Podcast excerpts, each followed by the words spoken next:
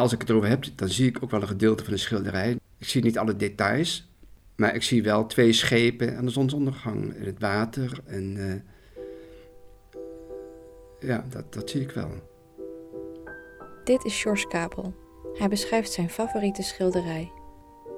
En ook de kleur wel. Van het, uh, het heet ook enerzijds iets dreigends. Die romp is zwart en heet een schoorsteen, dan komt er ook uit. ook heeft het iets, de zeilen hangen nog een deel naar beneden. Er ligt er ook iets van vooruit, een nieuwe tijd breekt aan en de oude tijd verdwijnt. 30 jaar geleden werd George langzaam blind door een oogziekte. Het, het leven werd steeds lastiger, moeizamer. Boeken lezen, dat, dat ging niet meer. Televisie kijken ging niet meer. Auto rijden ging niet meer. Fietsen ging niet meer. Lekker naar de stad toe even winkelen, dat ging ook niet meer. Ik had een relatie. Um, zij begreep niet helemaal uh, wat, wat er mij omging. Dat zorgde ervoor dat we uit elkaar groeiden en ja, dat, het, dat de relatie ook uitging. Dus het was inleveren, inleveren en nog eens inleveren op, op alle terreinen. En de wereld werd donker. En ehm, er waren geen lichtpuntjes meer. Het werd alleen maar vervelender. En om het lastiger te maken, George is niet alleen blind, maar ook slechthorend. Hij heeft het syndroom van Usher. En Usher spel je U-S-H-E-R. Dat is een erfelijke aandoening. Waarbij uh, je slechthorend of doof bent geboren. En je wordt slechtziend of blind op latere leeftijd. En als je blind of slechtziend bent, dan heb je juist geluid nodig om te kun je oriënteren. En dat geluid had ik in mindere mate, dus die oriëntatiewet is ook steeds minder.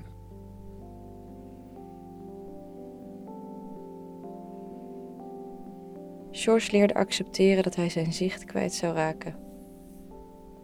Maar snel daarna volgde het besef dat er nog iets was waar hij afscheid van moest nemen zeg maar, die esthetische ervaring door kunst, hè, zeg maar, het zien van mooie schilderijen, of, uh, dat miste ik toch wel heel erg. Toen heb ik me ook voorgenomen dat ik nog, nog, nog een paar musea moest bezoeken en nog een paar boeken moest lezen. Hij dacht: Ik moet nog alles heel goed gaan bekijken, want later kan dat niet meer, weet je wel. Ik ben nog naar Griekenland gegaan uh, om de de spulletjes uit de Griekse oudheid nog eens te bekijken. Dat we hem nog net kunnen meepikken. Ik was al heel slecht zien, maar hè, het Acropolis in Athene bijvoorbeeld. En uh, daar ben ik achteraf nog wel heel blij om. Opgravingen, Griekse tempels, om daar nog een voorstelling te kunnen maken. Oh ja, en ik was ook heel uh, dol op stripverhalen, dus ik heb heel veel stripboeken gekocht toen. Het was een beetje paniek, hè. Je kunt je afvragen of ik daar ook heel veel aan heb gehad. Al gauw werd George helemaal blind. Hij revalideerde, leerde stoklopen en braaien lezen, vond een nieuwe baan, werkte daar een tijdje, maar raakte die later ook weer kwijt. En toen besloot hij om te gaan studeren. Filosofie. Als je niet kunt eh, zien en, en, horen, ja, ga dan maar leren denken. Hè? Dat was ook zo'n beetje die idee. Hè? Daar kan ik misschien nog in bekwamen. Hè? Als je je zintuigen gaat missen, het denken blijft. Door de filosofie begon George anders na te denken over zijn zintuigen. Kijk, alles wat wij aan kennis opdoen, gaat altijd via het zien en het horen. We lezen boeken, we horen de leraar, we zien de experimenten die we doen, met eh, bijvoorbeeld natuurkundelessen en zo, scheikunde. We leren alles via het zien en het horen. George begon dit principe ook in de taal terug te zien.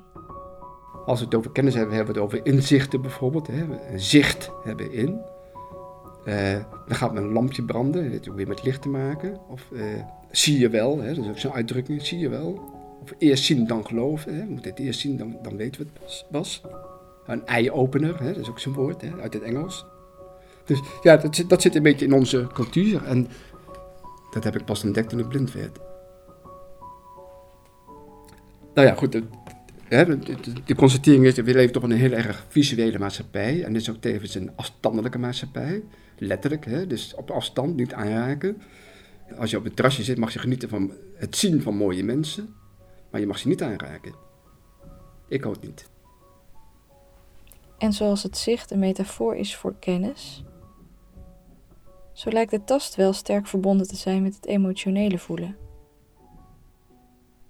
Ik denk dat dat de kwaliteit is die wij kunnen gebruiken ook in onze samenleving. Dat we meer niet op afstand voelen, maar ook direct voelen. Hè? En tast kun je niet meer op afstand houden. Hè? Dan, dan ben je lijfelijk met elkaar verbonden. En dat is toch een hele andere dimensie. En dat zit ook heel dicht bij het letterlijke voelen. Hè? Letterlijk voelen en dat andere voelen, dat, dat, dat zit een hele dichte verbinding bij.